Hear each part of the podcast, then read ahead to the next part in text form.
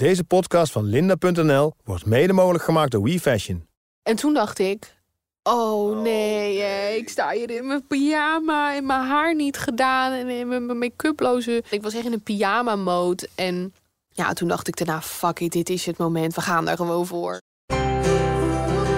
In de Linda-podcast Wat is daarop uw antwoord... ga ik, Richard Kemper, op onderzoek uit naar het huwelijk. Toen ik mijn eigen vrouw, of moet ik zeggen vriendin ontmoette... toen wist ik meteen... ah, dit is de moeder van mijn stiefkinderen. Zij had er al twee. Inmiddels hebben we samen ook nog een zoon gekregen... en zijn we al meer dan 22 jaar samen. Maar getrouwd zijn we nog niet. Er kwam gewoon altijd wat tussen. Een verbouwing, een kind, zelfs even een klein moment van twijfel. Maar we hebben het allemaal glansrijk doorstaan...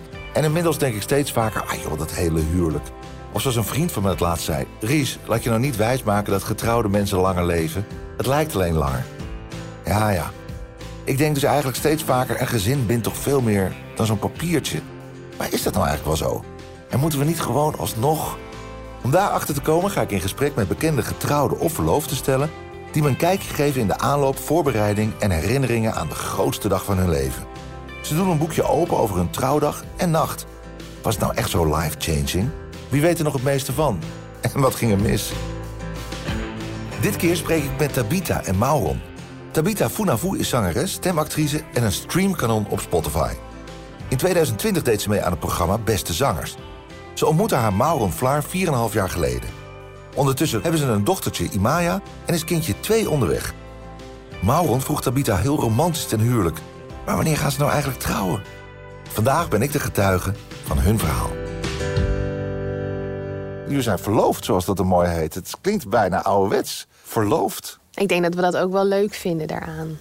Ja, Dat het Dat het ook ouderwets klinkt. dat het- ouderwets Ja. is. we Ook zijn al- ook wel een beetje ouderwets, denk ik. Ja, ik denk het wel. Maar we hebben ook wel een beetje oude zielen, denk ik. We zijn wel een beetje uh, Ja. omroep Max-achtig. eh, zeven uur naar bed. eh. Ja, het is dat mensen je nu niet kunnen zien, maar het is echt. eh, Het is niet, ik, het- ik zit niet tegenover Martine van Schie. Het, het, het boekbeeld van Omroep Max. Je ziet er waanzinnig uit. Je hebt tattoos in je, in je nek, op je handen. Je bent, eh, je bent prachtig om te zien, maar Dank wel je. echt redelijk eh, van nu, zeg maar. Wat was er nou gebeurd, Maron, als Tabita jou, jou te huwelijk had gevraagd? Ik had wel nee gezegd, denk ik. Had je nee gezegd? Ja, zeker. Waarom zeker. dan? Nou, ik heb het wel heel duidelijk eh, kenbaar gemaakt dat ik haar ten huwelijk wou vragen. En Ja. dat heb ik ook meerdere malen gedaan. Oh, jee, Niet officieel. Ja, dat zeker. zeker. Ja, ik, Zo moest wel zeker ik moest wel zeker weten waar ik aan zou beginnen. Ja, ik ben wel een vrouw die zoiets zou ondernemen, inderdaad. Ja. is wel Ja, dat lijkt me ook ja. wel, ja, inderdaad. Ja, bij Anouk, Anouk heeft haar eh, Ja, klopt. Partner. partner ten huwelijk gevraagd. Ja. Eh, eh, Even nog, want jullie hebben een dochtertje, Ja. Imaya. Ja. Is er dan iets waarvan je denkt, er is toch nog iets niet compleet waarom we gaan trouwen? Wat voegt het nog toe? Dat is eigenlijk best wel een hele heftige vraag meteen, maar het is eigenlijk wel waar ik zelf ook een beetje mee worstel van. We hebben een gezin, we zijn gelukkig samen. Nou ja, Wat- ik denk dat het, dus, het klinkt misschien heel cruel, maar een kindje krijgen, dat kan natuurlijk ook gebeuren als je niet per se eh, dat gepland had. Ja. En een huwelijk is natuurlijk wel echt een. Ja. Ik kies voor jou. Ja, Daar hoeveel kom je niet kinderen. ongeluk op terecht. Waar ben ik nou terecht Precies, ja. Tenzij dus- je Las Vegas een keertje... Ja, eh, precies. Maar ik denk, ik denk dat, en dat is ook wel iets wat wij, wat, wat bij ons wel ook echt sp- ja, een onderdeel is van onze relatie. We zijn met elkaar omdat we dat willen. En we Ja. willen nooit in een positie komen waarin we afhankelijk van elkaar zijn. Of dat het een situatie is waarvan het, eh, waarin het geen keuze meer is, maar dat je een soort van uitgewenning of afhankelijkheid bij elkaar blijft. En Ja. ik denk als je dan elkaar het ja-woord geeft, dat je. En ik, ik zou dat ook, net als bij mijn open ik zou er iets van willen maken. wat je elke vijf jaar weer zo'n moment. Want over vijf jaar zijn we weer andere mensen. En Ja. dan zijn er 101 gesprekken en waarschijnlijk nog wel meer gevoerd.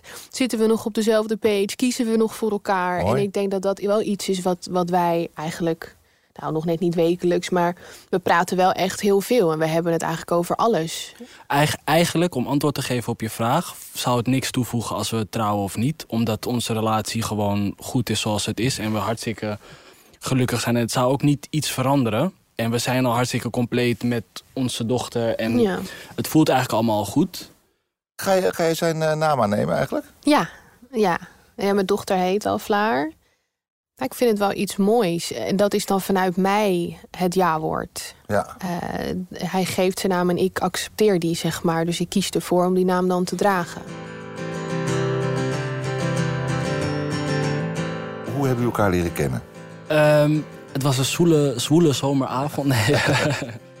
ik moet eigenlijk even eerst het begin vertellen. Zij eh, ging optredens doen. Het was eh, een beetje het begin van haar carrière in Nederland. En ik ging altijd met mijn nicht, eh, die is DJ, ging altijd mee als, als haar tourmanager eigenlijk.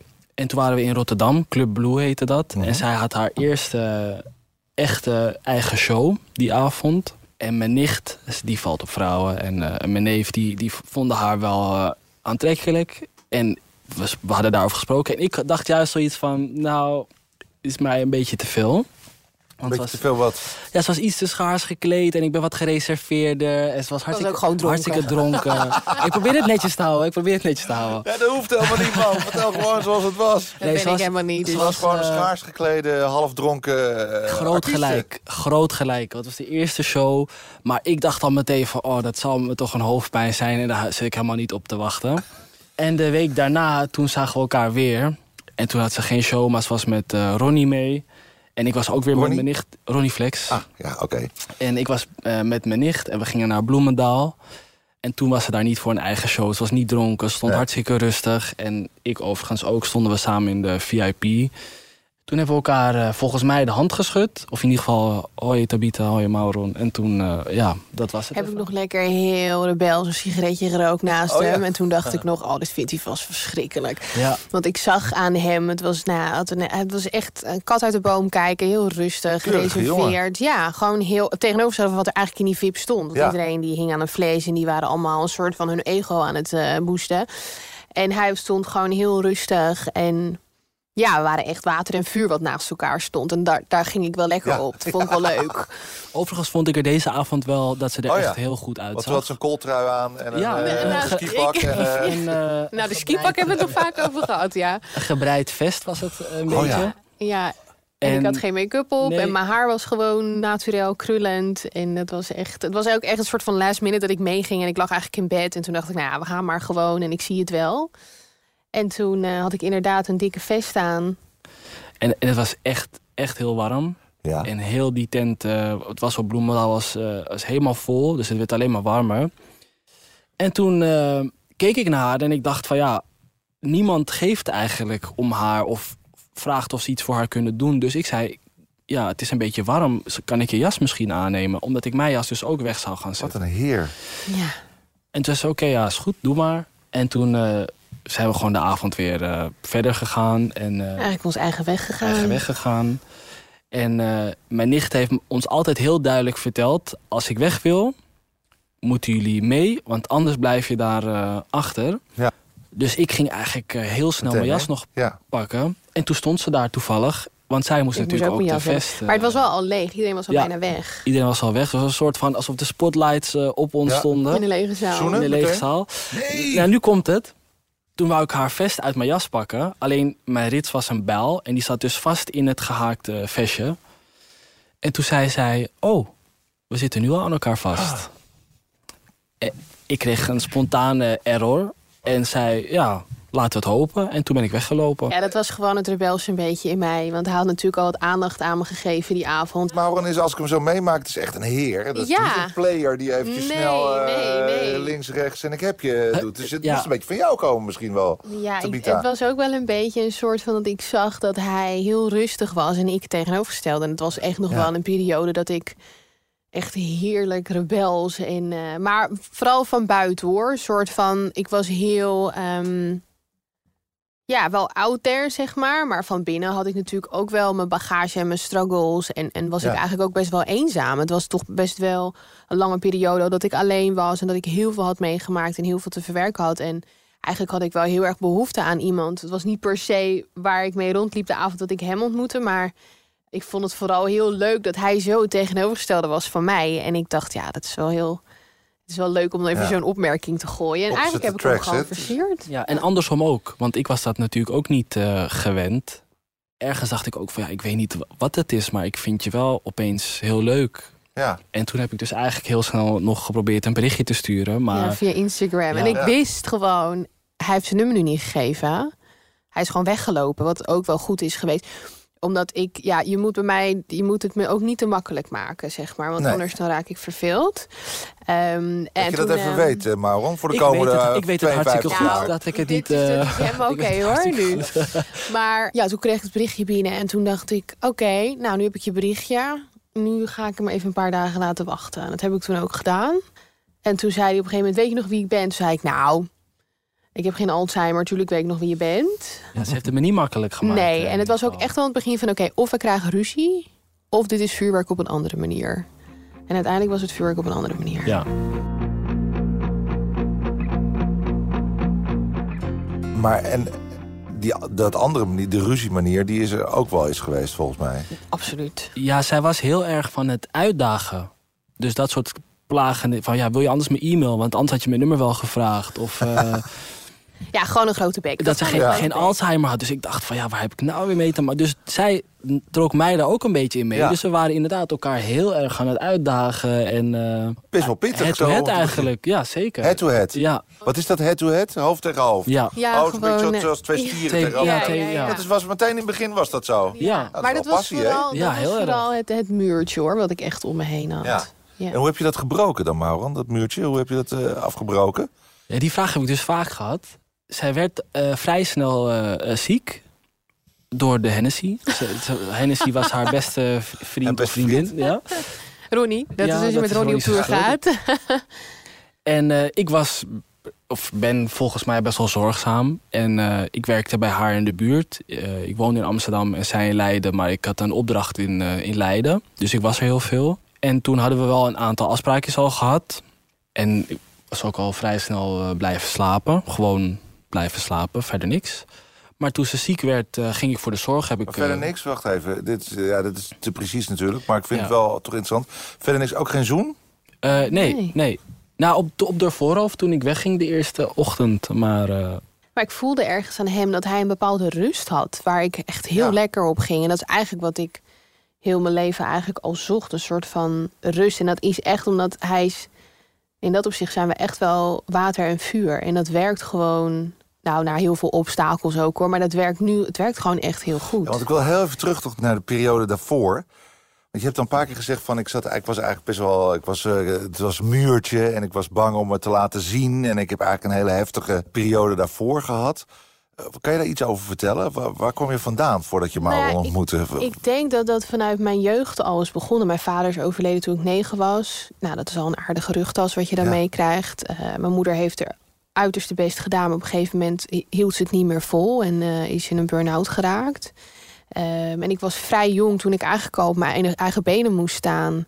Ehm, en in dat opzicht ook geen, geen vader in mijn leven gehad die vertelde over wat de intenties kunnen zijn van jongens en later van mannen. En dus ik heb wel een aantal nare relaties gehad. En sommigen hebben ook echt wel een bepaalde, bepaalde trauma's over eh, achtergelaten. Dus ik kwam eigenlijk vanuit een best wel een hele heftige relatie, wat best wel traumatisch is eh, geëindigd. En dat was al best wel veel wat ik moest verwerken bovenop de jeugd die ik heb gehad. En, en dan heb je een partner gehad die dan ook nog eens is vreemd gegaan. Dus op een gegeven moment als vrouw zijn, dan ga je toch wel een muurtje om je heen bouwen. Je bent bang om gekwetst te raken. Je bent Ja. bang dat iemand je pijn doet.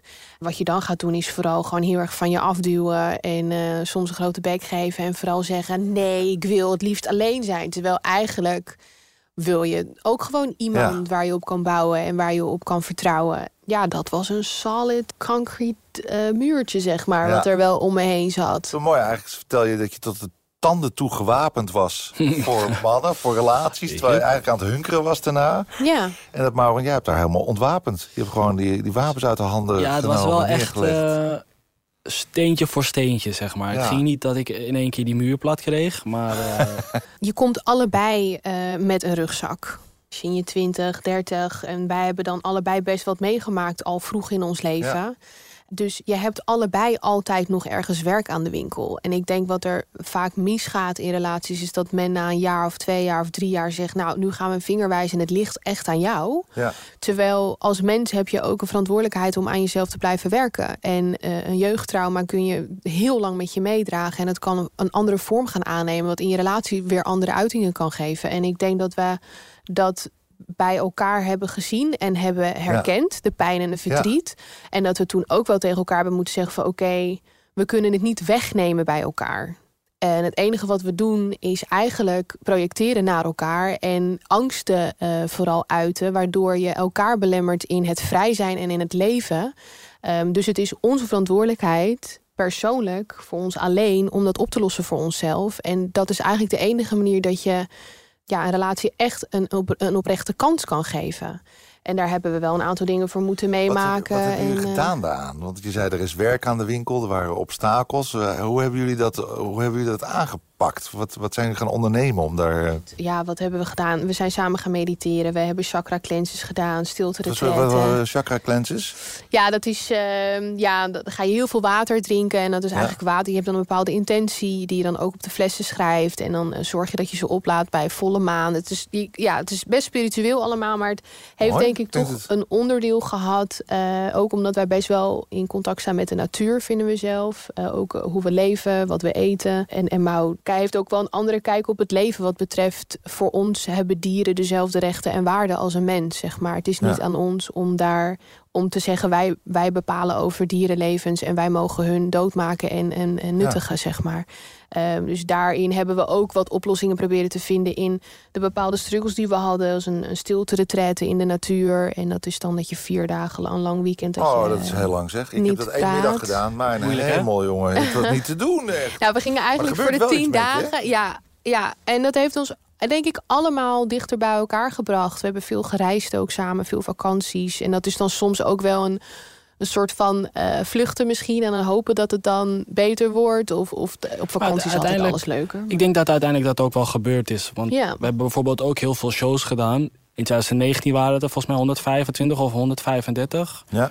Maar dat zijn heel veel uren die je ook in de auto zit en je kan nergens heen. Ik ben ook de helft van een duo uh, met uh, Veldhuis. Dus ja. ik, ik, ken, ik, ken het. Het ja. is uh, 10, 12 uur op een dag zit je samen, ja. Kijk, ik kom uit een gezin waar gewoon heel veel ruzie oh, ja. was. En niemand... Heel veel vingers wijzen. Heel veel vingers. Niemand kon zeggen, weet je, als, als ik iets heb gedaan wat jou pijn doet? pijn doet... of wat je niet prettig vindt, ook al ben ik het er misschien niet mee eens sorry voor dat in ieder geval. Ja. En heel veel mensen hebben gewoon best wel wat moeite met sorry zeggen, heb ik het idee. En ja, je moet het niet zeggen als het niet oprecht is. En vaak heb ik ook nog wel eens zoiets dat ik denk van... oh, dit is hoe ik me eigenlijk voel, maar ik hoor wat jij zegt. En dat, dat luisteren vooral. En ja, we hebben dus niet alleen stilte gedaan... maar ook bijvoorbeeld ayahuasca gedaan. Wat is dat? Uh, ja, ze noemen het een trip. Ik vind het zelf niet echt een trip. Het is meer gewoon een... Een trip als in LSD-trip? Of, uh, of, ja, of ik gebruik, ik gebruik sowieso geen drugs, dus ik ga niet nee. weten hoe We dat dan hebben nog nooit drugs gebruikt. Oh ja, het klonk wel spannend namelijk. Ja, ja. Ayahuasca, Het, ayahuasca heet het. Ayahuasca. Maar dat is eigenlijk een... Uh, spirituele reis. Ja, spirituele Ja, reis. Dus dan doe je iets, een drankje drinken wat gemaakt is van boomschors. En een wortel, ja. Het komt uit, uh, ik weet niet of het daar vandaan komt, maar in de jungle in Peru, in Brazilië doen Waar ze hebben jullie dat gedaan? In Nederland. In. Nederland. In Nederland. Maar het Ja. komt inderdaad uit uh, de Amazone. En jullie deden het in Nieuw-Vennep. Uh, heel veel. Heel veel. Goed zeg. Ja, je krijgt eigenlijk een beetje je grootste angsten te zien. En je kan eigenlijk alles wat je moet verwerken, verwerken. In plaats dat je daar jaren over doet met een therapeut, is dat in een paar uur. Dus het is heel heftig, heel intens. Hebben jullie dat samen gedaan? Los van elkaar. Los van elkaar. Maar je gaat dus naar de hoogste highs en de lowste lows, om het zo maar even te zeggen. Maar toen ik hem zo rustig thuis zag komen en de rust die hij uitstraalde en ook hoe zeker die was van hoe onzeker die daarvoor was, inderdaad, had ik zoiets van ja, dit is gewoon iets wat ik. Wat, en ik was ook op het punt in mijn leven dat ik ook gewoon klaar was met al die bagage. Ik had af en toe nog last van paniekaanvallen. Ik liep gewoon, ik liep, ik zat gewoon in de knoop. Ik denk dat iedereen dat gevoel Ja. wel kent, mentaal, dat je gewoon echt niet meer weet. Dat je het gevoel hebt dat je alles hebt geprobeerd. Van meditatie tot therapie, tot weet ik veel. wat. En dat je toch van die dagen blijft hebben achter elkaar. Dat je wakker wordt en dat je gewoon niet weet hoe je uit de knoop komt. Ja, je, Wel bijzonder, je, moet je er gewoon doorheen. Toen al heel veel succes.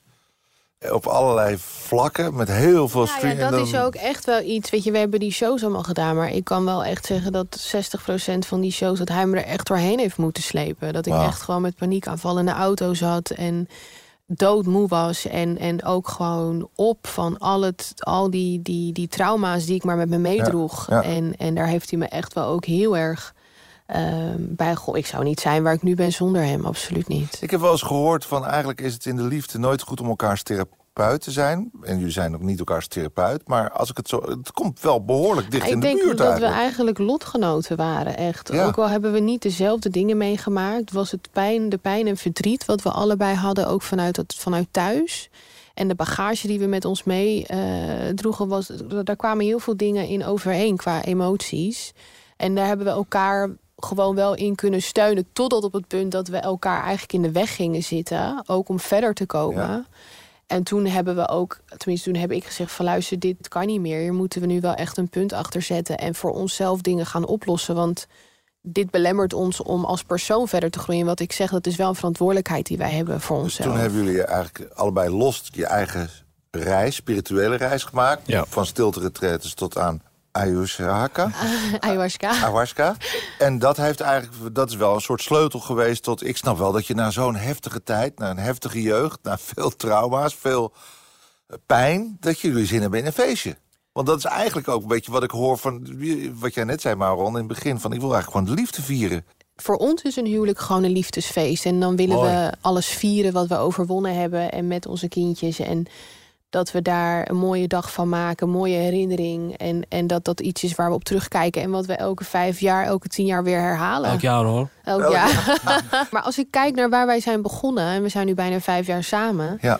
zijn we twee hele andere mensen Ja. vandaag. Ja. En, en, en in de kern zijn we niet veranderd. Want in de kern is het altijd liefde geweest. En zijn we hele liefdevolle mensen... en, en hebben we ons hart op de juiste plek.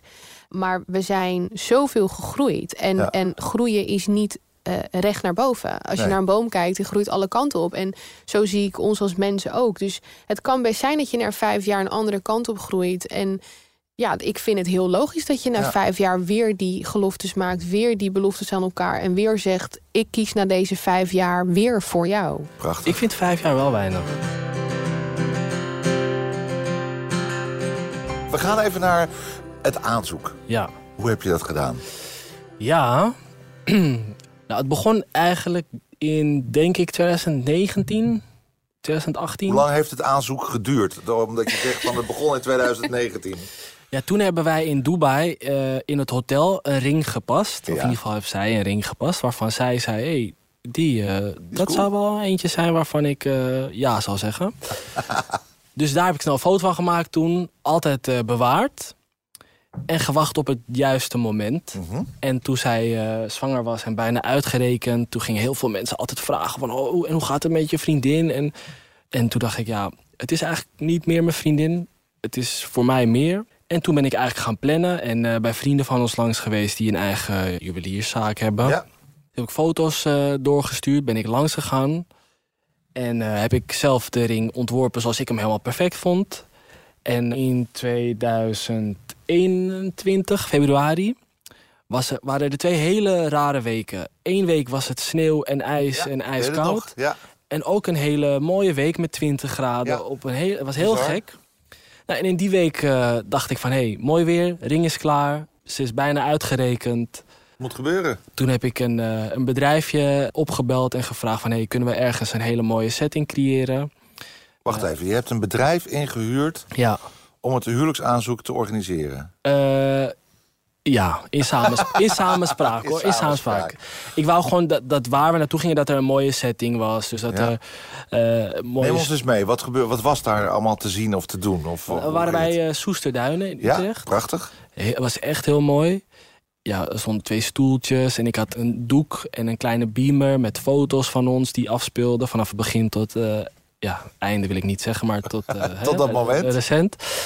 Ehm, en er waren wat eh, koekjes, Dat hele mooie taart. jurken en een, een Taart. En, ja, en wat drinken. En twee lampen. En het was, er stond I do. I do met Ja. lampjes. Dus Oh wauw, je ik kon ook... aangelopen. dus ze had zo- geen keus. Hij zei in ieder geval I do. Maar ik had al vaker gevraagd of ze het zou willen, dus ze had ook geen... Ja, ja, je mocht zat, geen je zat safe. Ik zat safe, Maar moest wel. hoe kreeg je haar daar naartoe? Ik had een, eh, haar, haar beste vriendinnetje opgebeld en gezegd van... hé, hey, dit is het idee en eh, dat wil ik gaan doen. Zij zei nog een paar keer van... had ervoor als zullen we dan een kleine fotoshoot doen... voordat de baby er is, nog een beetje foto's. En toen eh, kwam ze bij mij thuis aan en ze wist van mij... zeker in die laatste periode van de zwangerschap... was het echt moeilijk om mij de deur uit te krijgen. Want ik was natuurlijk zo, zo, zo panisch als maar wat. Ik dacht, ja, als de baby komt, zit ik in een auto. En Ja. eh, nou goed... Dus het was al een wonder dat ik met haar meeging. Dus zij dacht van nou, snel die auto in en gaan. Dus ze, ze probeerde op allerlei manieren nog een voor elkaar te krijgen... dat ik me ging omkleden. Of dat ik mijn haar even zou doen. Oh ja, Of make-up. totaal of- geen zin in natuurlijk. En ik liep echt in mijn meest slonzige outfitje. mijn haar niet gedaan. Dus een knotje op mijn hoofd. Zo heb ik het het liefst hoor. En dat vindt hij het leukst. Ja. Nou ja, en toen kwamen we aan bij Soesterduin. En eh, Toen stond je daar. nou, ik was Ja. op zoek naar die foodtruck. Oh en ja. ik maar lopen en bazuinen door dat opzij, want zand. ik wil eten. Bazuinen door dat was zand. staart, er was staart, er was en ik was natuurlijk hoog zwanger. En dat zand, dat was verschrikkelijk voor mijn bek. Dus ik denk, waar gaan we nou heen? En op een gegeven moment voelde ik het gewoon. En keek ik naar en zei ik... Sil, er is toch niet iets geregeld of zo? En ik kijk voor me en ik zie hem in pak staan. Het eerste wat ik dacht was... Hè?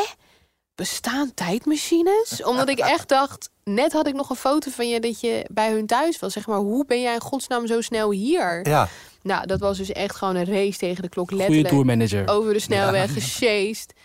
En toen zag ik camera's, toen dacht ik... maar Oh. camera's, wacht even. Wat, eh, Nou ja, er was een fotograaf, die ging natuurlijk Oh, ja. foto's maken. En toen dacht ik... Oh, Oh, nee, nee. ik sta hier in mijn pyjama en mijn haar niet gedaan en in mijn mijn make-uploze. Nou, dat vond ik niet eens zo heel erg, maar mijn haar was echt all over the place. En ik had een slonzige trui aan. Ik was echt in een pyjama mode. En ja, toen dacht ik daarna, fuck it, dit is het moment. We gaan daar gewoon voor. Zonsondergang, mooie Ja, roze, was gele prachtig. lucht. En was het je weer was... zenuwachtig? Ik had er geen tijd voor, omdat ik zo moest opschieten. en vo- goed. voordat zij aankwam, kwamen er wat mensen naar me toe. En Oh, die ja. zeiden van, eh, ja, we staan al een tijdje te wachten. Gaat er nog wat gebeuren? Dat ik echt dacht van... Oh, je had natuurlijk een hele setting daar gemaakt. Ja. Ja, dat dus is van, hele- weg, dit is mijn moment. Ik zei van, ja, stel je voor dat ze nu aankwam lopen. Dan eh, Ja. hebben jullie het een beetje verpest. eh, vind je? Ja, nee, maar ja, we staan er al een tijdje. Ja, ik, ja, ik ben ook niet voor u hier. Dus, Maar wat was de vraag? Wil je met me trouwen? zou, je, zou je met me willen trouwen, ja? Was er één moment dat je dacht, "Wa, ze zit gewoon te twijfelen? Nee, ik had eerder het idee dat Ze- jij... Want je was echt... Want je was natuurlijk hartstikke trots op die ring. Maar ik, ik, ik had de ring wel gezien. Maar ik wilde hem gewoon knuffelen. En ik Ja. was echt een soort van... En hij had, was echt met die ring zo van... Heb je hem wel taak, gezien? Heb je hem wel gezien? Weet je wel? En ik heb ook van tevoren tegen haar gezegd... als je niet huilt tijdens het aanzoeken, hoeft het niet. Oh, echt? Ja, ik zei, je moet wel janken. Jij bent wel, jij, volgens mij heb jij het heel precies in je hoofd hoe de dingen moeten ja, lopen. Hè? Ja, zeker. Je bent ja. wat dat betreft, je hij bent ook tourmanager, toch? Je autistisch. bent, is ja, gewoon. ja, Ja, is- ja. nee, absoluut. Maar dat Ja. wordt nog wat, want straks dat hele huwelijk, de trouwerij, dat gaat natuurlijk nooit precies zoals in je hoofd. hebt. Nee, het is echt sinds ayahuasca en sinds we een kleine hebben... is dat autistische wel eh, weg. Maar als ik iets regel, dan wil ik het eigenlijk ook nooit. Omdat als ik iets ga doen of als ik iets in elkaar moet zetten... een kast of zo, ja, ik word daar helemaal... eh, Dat is het leukste als het niet goed gaat of als het, als het niet gaat zoals het moet, dan... eh, maar als, ik, het- als het eenmaal... Word je dan boos? Of, eh, Ja, dan Ja, ik elk tegen, woord in het eeuwse Ja. elk woord wordt een easy. Dan loopt hij echt te mokken als een 50-jarige. Het is geweldig. En dan lig ik helemaal in wat de zeg je deuk. nou? Het loopt de mok als een 50-jarige? Ja, het is echt ja, Hoe gewoon is dat? Want ik weet dat zelf. Ik weet, ja, er zijn mensen aan deze tafel die die leeftijd ongeveer hebben. Wat- Nee, het is echt, dan is hij echt, echt gewoon aan het, aan het, ja, dat is, er is ooit zo'n fragmentje geweest van zo'n man die een kerstboom in elkaar Ja, ja, met ja, dat met dat, vrouwtje. met dat, met dat, met dat vloeken. Godver. Ja. Nou, ja, dat, dat is is hij dus als hij Oh iets ja, in elkaar moet grappig, zetten. Ja, en ik wil dus eigenlijk gewoon heel klein, intiem op het strand met heel weinig mensen. Maar hij wil echt een gigafeest. Dus Ja. het is echt wel daarin Hoe samen gaan jullie dat doen? Want als je allebei zo... Dus gewoon... Nou, dan hebben we twee momenten. Dat, zo komen we Oh elkaar ja, dan tegemoet. ook gewoon een gewoon. ceremonie, klein, intiem. En dan een feest daarna. Dat, weet je, in- dat opzicht zijn we wel altijd van compromis... en elkaar in, de- op de, ja, in een, gewoon een middenweg Ja. vinden. Hebben jullie te veel Het over is geen compromis hoor. Zij is gewoon de baas. En, eh, toch? Dat is Nou, wat, maar eh, ik- oké, misschien ben ik de baas, maar ik hou wel daar altijd rekening. Ja. Ja. Ik kan, ik kan zeg maar een verzoek indienen en dan gaat een beetje net bij de gemeente binnen vier tot acht weken behandelen we Oh uw aanvraag. Maar hebben jullie bijvoorbeeld het al ge- nagedacht over getuigen? Weet je wie er, wie er getuigen gaan lastig. worden? Ja, we hebben gedacht over een Amerikaanse eh, bruiloft. Van dan Ja? kun je meerdere getuigen. Ja, nu in Nederland mag je er twee, hè? ja, eh, twee is al beter Nou, als is één. gewoon denk ik. Nederlands, dus een Nederlandse Ja. bruiloft. Nee, ik heb sowieso één iemand die, waarvan ik zeker weet dat ik het zou willen. Ja. En ik ook wel. Ja, maar Wie die andere wordt, dan kunnen je vrienden en familie kunnen Nee, ik nog heb, een ik, heb, gaan strijden. ik heb een broer. Alleen heeft hij zijn eh, huwelijk heel klein gedaan, waar ik niet eens bij was. Ja, oh. Dus ik moet nog even nadenken of ik hem dan ook als eh, getuige. Ja. Nou, als je dit luistert... eh, Ja, dan weet- dan eh, weet Als je dit luistert daar, dan moet je even je best doen. eh, ja, ja. Hoeveel mensen denken, we- denken we aan? Nou, van, maar van mij mag heel Nederland komen. Ja. Ik ben het er niet helemaal mee weet eens. wat je Maar, zegt. dus jullie zijn allemaal ja, welkom. ja, zeker. Project X. Nee, ehm nee hoe- de meer ziel, de meer vreugd, denk ik. Ik, eh, ik wil gewoon dat dat iets is waar echt iedereen van zegt van... wow, bedankt, dit was echt een goed feest. Als we het hebben over feest en over Bloomingdale... welke artiesten zijn er, eh, zijn er allemaal, eh, staan er in de line-up? Jay, Ja? Jay Alsen, eh, Ro- Ronnie denk ik ook wel. Hij heeft geen keus. Eh, hij heeft een hele goede pianist. Mano. Mano. Ja. Zou je zelf optreden, Cachet. Tabita? Cachet, ja. Zou je zelf optreden? Denk het niet, hè? Nee. Ik denk dat ze dan dronken is. Trouwambtenaar? Gaan jullie trouwen voor de kerk? Gaan jullie trouwen voor... Bestaat het nog? Doen mensen dat nog? Nee, voor ons hoeft het Ja, niet. mijn mijn oma is trouwambtenaar. Oh, dat En, komt mooi eh, uit. Ja, ik denk dat het voor haar een echt een grote eer zou zijn. Ja? Ik denk ook dat het wel humoristisch zou zijn als zij Want zij doet dat grappig. Ja, Ze is gewoon grappig. Ze is grappig. Ja. Ja, ze is... Het is eh, Ze is een soort semi-gangster, zeg ik altijd. Oh, echt? Ja, ja. En ze heeft als, ook bij, ja. ze is ook de sheriff bij de politie heeft ze gewerkt. Ja. En eh, ja, zijn oma is wel echt een OG. Als En zou je dat zo ook willen? Want sommige mensen willen juist... eh, ik heb dat ook wel eens gedaan, zo'n zo'n denk- grappige Eerst zou huwelijk. ik zeggen van niet, maar ja, als dat haar avond zou maken of haar... Ik- ja. Ik denk dat voor ons ook wel belangrijk is, omdat we gewoon echt familiemensen zijn. Als je het dan over getuigen hebt of mensen die dan erbij zijn. We willen ook echt wel mensen erbij hebben die niet alleen de ups hebben meegemaakt met Nee. ons. We willen eigenlijk juist de mensen die ook alle downs hebben gezien en meegemaakt. En daarin ons hebben bijgestaan. En ik denk dat heel veel mensen gewoon een, een hele ja, wijze en, en fijne positie hebben aangenomen. En nooit hebben gezegd. Dit is wat je zou moeten doen, of ja of nee. Maar eigenlijk ons altijd gewoon hebben, ja, hebben gesteund. En, en, eh, ja, hebben, zij zeker een. ja, en, en ons hebben van- aangehoord.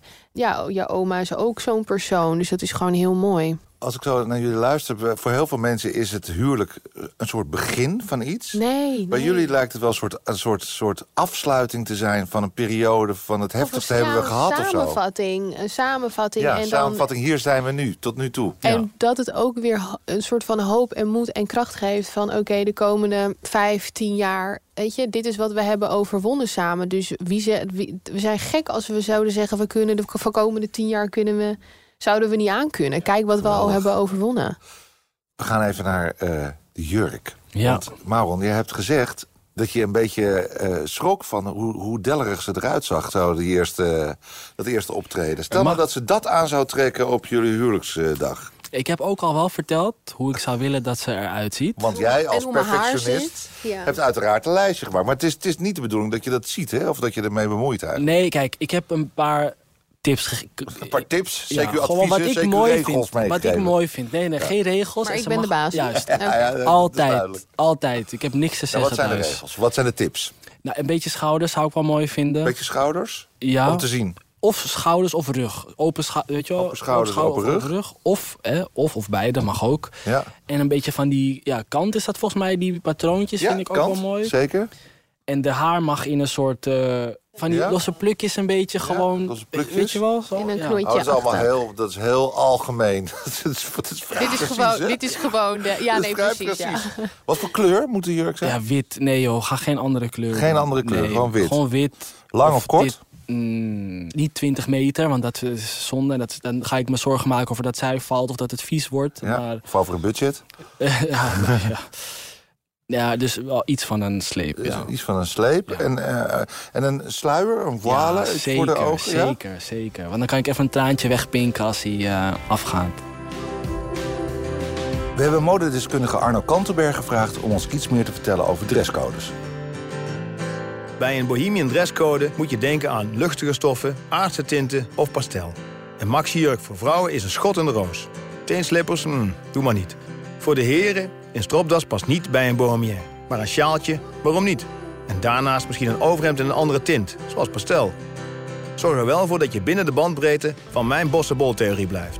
De buitenste laag van je kleding is het donkerst, naar binnen toe wordt het steeds lichter. Zo, weer iets geleerd. Dan kun je nu dus naar We Fashion. Zij hebben voor elke dresscode en gelegenheid de juiste outfit. Zouden jullie gaan voor een dresscode? Moeten mensen allemaal in pak? Mogen ze in joggingbroek? Mogen ze in... Ja, kijk, eh, Nou, geen dat, is dus, dat is dus het lastige ervan. Dat is het lastige ervan. Want eh, als je geen dresscode meegeeft, zelfs Ja. als je dresscode eh, met Surinaamse familie, sommige mensen zullen de plank dan volledig eh, misslaan. Oh ja? Ja, en dat is dan wel weer jammer. Voor het feest moet je lekker aandoen wat je wil. Maar voor het huwelijk zou ik wel in ieder geval zeggen van niet casual. Of ja, geen joggingsbroek zeg maar. Geen joggingbroek. Ja. Als je nu de viel is, dan een beetje dan een soort cakey-broek en een Nee, eh, maar niet serieus heb ik het gevoel. Ja, ja. Ja. In ieder geval een jasje als man. Ja, als wij ons, ons best doen, dan verwachten we wel dat iedereen ook een beetje hun best doet. Ja. Maar volgens mij doen ze dat. Ja, er zijn joggingpakken die zijn duurder dan het mooiste Colbert. Dat Nou, know. vertel mij wat. Ja, dat, weet- dat weten jullie know, allemaal. ja. Eh, wat, wat mag het kosten? Dat, eh, dat mooie feest van jullie. Ik ben ook wel een beetje een cheapskate. En klein, een wat? Cheapskate, ja, een krent. Ik Eh, hou Heel niet even zo, voor Maureen, eh, wa- wa- wat is dat precies, een krent? Ik hou niet eh, van geld uitgeven. Nee. Ze doet het wel voor, voor ons, maar niet voor Ja. onnodige dingen. Nee, Nee. wat Dat is heel klein? Wat is verstandig. klein? Klein is, is 20 nou, man mooi, of zo? Een mooie, nou, 150, zoiets klein, hè? vind ik wel. 150 vind ik wel oké. Maar als je het aan hem vraagt, dan zitten we op 700 man. Echt waar? Ja, echt Wacht even, dus jij zegt ik wil het klein houden, dat is 150 Ja, man. maar daar kom je zo aan hoor. Ja, met gezinnen familie, en, eh, met ja. gezinnen, oké. daar, daar kom je Oh, zo aan. wat een- Ja. Wat een goed aantal zeg. En dan eh, eh, gaan je die outfits voor elkaar geheim houden? Ja? De avond van tevoren hoef ik je niet meer te zien, denk ik. Oh, je slaapt ook niet bij elkaar? Nee, wel echt. Oh, dus dat is echt wel gewoon echt all the way, hè? Ja. Maar ik denk dat een bruidsjurk makkelijker is als een pak.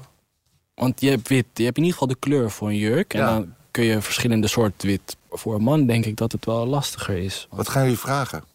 Voor, voor als cadeaus?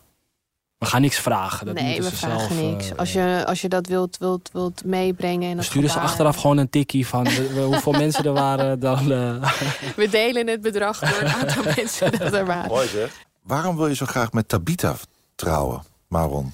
Waarom is zij uitgerekend jouw droomvrouw? goeie vraag. Eh, Moet ik even over nadenken? Nee, nee, ik weet het. Ik weet het antwoord.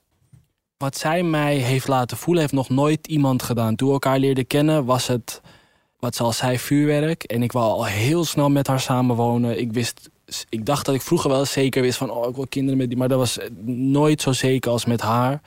We zijn samen Volwassen gewoon geworden. volwassen geworden Ja. en sterk. En we weten ook gewoon bij elkaar van... Hey, er zullen altijd momenten zijn dat we even niet meer elkaar zo leuk vinden. Maar we hebben al geleerd om...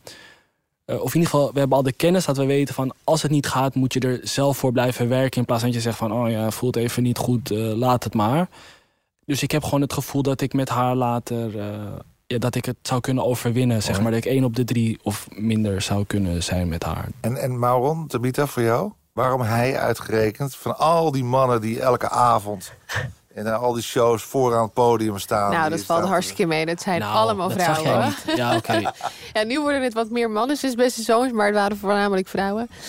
Ehm, wat ik bij Maudon heb gevonden is wat ik net ook zei. Eigenlijk iets wat ik eigenlijk al vanaf kleins af aan zocht. De Ja. veilige haven. Ik zeg altijd, ik ben een vrije vogel die heel graag terug naar de kooitje vliegt. En dat is Maudon echt wel voor mij. Mijn veilige haven, mijn thuis. Zoals ik zei, ik zou niet zijn waar ik nu ben. Zakelijk, emotioneel, eh, lichamelijk, hoe gezond ik nu ook ben.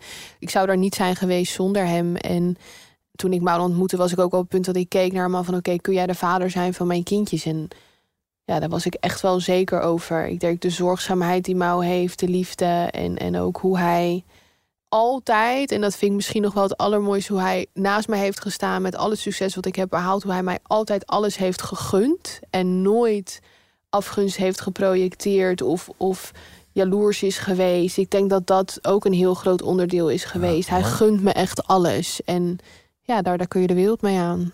Denk je dat er iets zal veranderen nog na het huwelijk? Nee, echt niet. Nou, misschien dat ik eindelijk ook een ring van haar krijg. Want ik heb er zelf twee van mezelf. Maar, eh, en zij Hij wil heel graag hebben. Ja, ik wil graag een ring. En eh, nee, verder hoop ik oprecht dat er niks verandert in hoe wij elkaar eh, ja, Nee, ik denk gaan dat we altijd eerlijk en open... We praten over alles. Er is eigenlijk niks wat we elkaar niet zeggen. Hoe, hoe, hoe we ook misschien kunnen denken vooraf... oh, dat kan misschien kwetsend zijn. Of dat kan misschien Ja. verkeerd vallen. We zijn niet bang om dat tegen elkaar te zeggen. En vaak als we het gezegd hebben... dan zijn we ook weer een stuk dichter bij elkaar. En, en zien en ervaren we dat, dat we ook echt wel een, een, een vriendschap hebben. En nou, dat feest, jullie kennen natuurlijk heel veel artiesten. Je zit in de entertainmentwereld, allebei. Daar zijn natuurlijk mensen die gaan de show stelen. Nou, dat is in onze familie, is er één. Wie is dat? Zullen we de naam zeggen? Nee, ik, weet, ik weet even niet wie je bedoelt nou, eigenlijk. Gil. Oh ja, zij komt sowieso in een, in een jurkje wat net kan. En, eh, en, Ja, dat is bij jou al snel, hè? ze doet dan net Ja. een drankje, net, net een drankje te veel. En ik weet ook zeker dat zij ook gaat zeggen... Gaat een speech. Mag ik optreden? Mag ik zingen? Ja, Mag en dan ik, gaat eh, ze een speech houden, want ja. zij heeft wel echt alles met ons meegemaakt. Ah, Dus wat gaaf. Ja. Ja. Klinkt heel goed. Ik kwam een tekst tegen in een liedje van jou, eh, Tabita. Eh, volgens mij gaat het er gewoon over jullie. Ik weet niet of je het al geschreven had voordat jij, eh, toen jij in haar leven was. Het, het komt, het blijft nog even hier. En dan staat, als jij er bent, is het stil in mijn hoofd. Ik wil niets van jou, helemaal niets van jou. Als jij er bent, is het stil in mijn hoofd. Ik wil niets van jou, maar blijf nog even. Blijf nog even hier. Ja. En ik hoop dat jullie eh, dat bij elkaar gaan doen. Nee. Dat is, dat is overigens mijn favoriete nummer van haar eigen Ja, genre. en ik moet zeggen dat toeval. eigenlijk eh, al sinds dat mijn muziek uitkomt in Nederland gaan alle liedjes over hem. Dus Jo. Eeuw.